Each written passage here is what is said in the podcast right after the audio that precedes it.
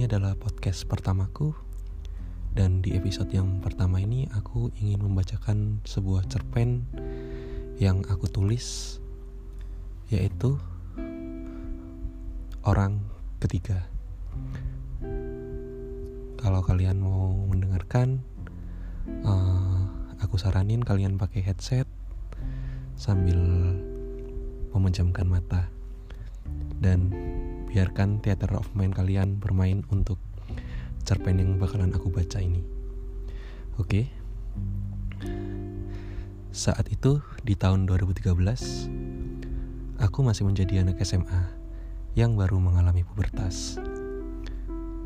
Wajar di tahap remaja seperti ini aku mulai memiliki perasaan untuk mencintai lawan jenis. Iya, pada saat itu aku memiliki pacar. Dia bernama Adit cowok bersodiak Scorpio dengan tinggi badan 175 cm yang apabila kita sedang jalan berdua, aku akan terlihat pendek karena tinggiku hanya sebahu dia. Kita satu sekolah, tapi beda kelas. Adit adalah murid yang masuk jurusan IPS dan aku adalah murid yang masuk IPA. Tapi, walaupun tidak satu kelas, Setidaknya kita selalu bertemu setiap bel pulang sekolah dibunyikan. Karena untuk menuju tempat parkir sekolah, aku selalu melewati kelas pacarku. Jadi di sana biasanya kita bertemu.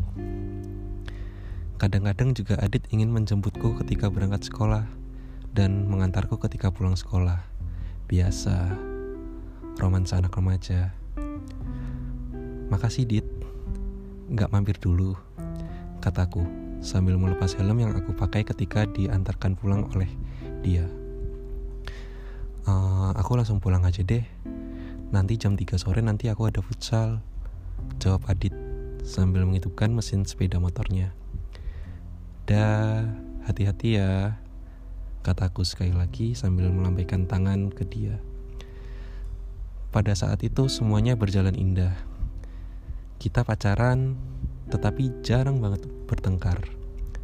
Kalaupun harus bertengkar, itu pun di hari yang sama kita sudah baikan lagi. Dan tak terasa lama sudah dua tahun berlalu hubunganku dengan si Adit. Tepat di tahun 2015, kita lulus SMA. Saat itu Adit sudah diterima oleh universitas lewat jalur SNMPTN. Sedangkan aku masih harap-harap cemas, berharap lolos lewat jalur SBMPTN dan semoga juga aku bisa satu universitas dengan pacarku.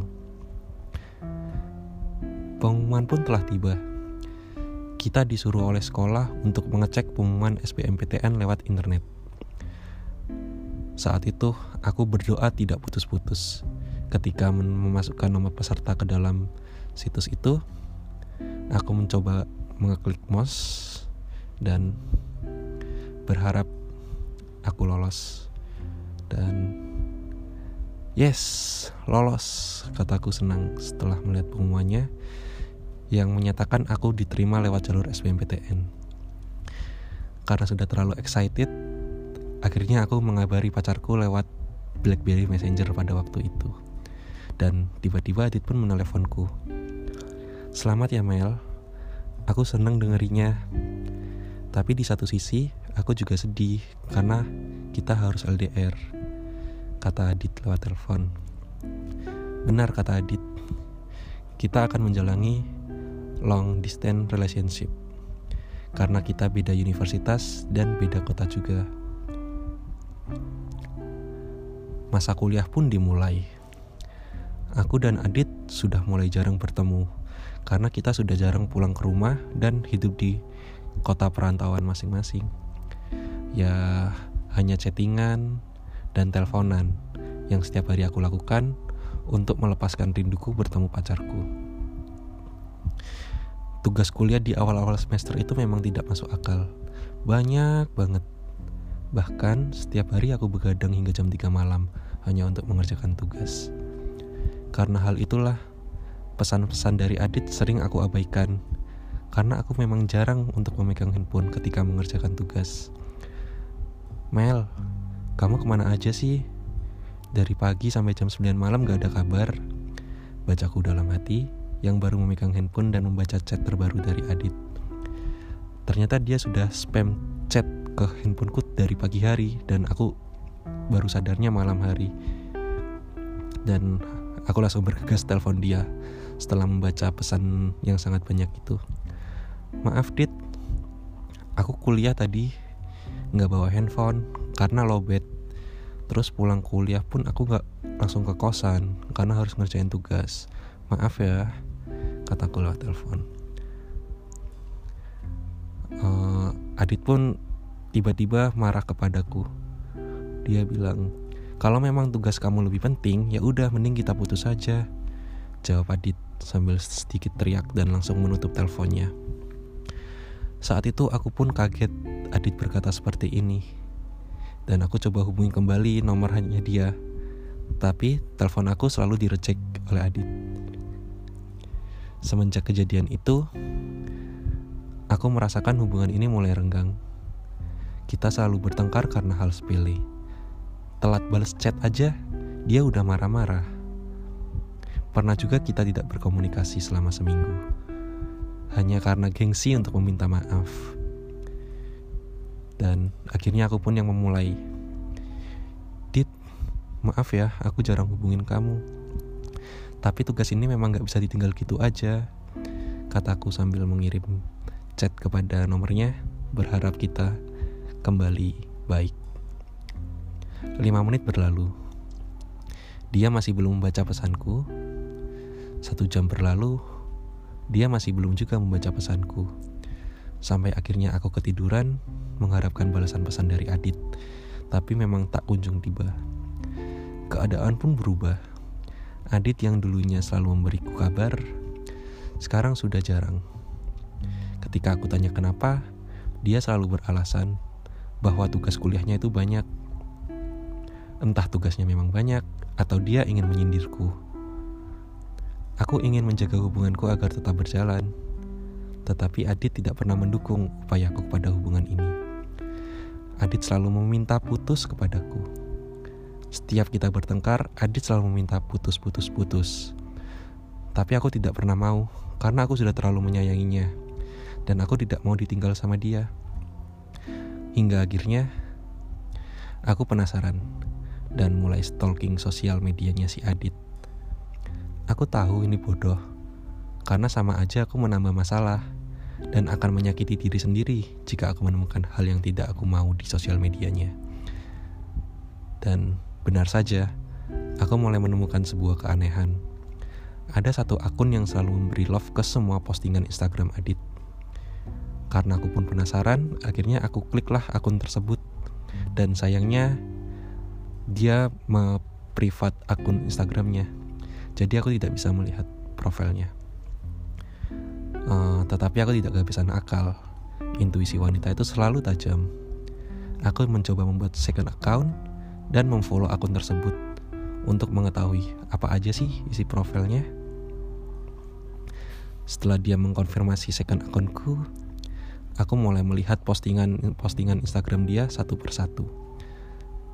Hingga aku akhirnya menemukan pacarku memberikan sebuah komentar yang bertuliskan cantik ke salah, salah, ke salah satu postingan wanita yang bernama Rina ini. Dadaku langsung sesak seketika. Hati wanita mana yang tidak sakit ketika pacarnya mencoba flirting ke wanita lain?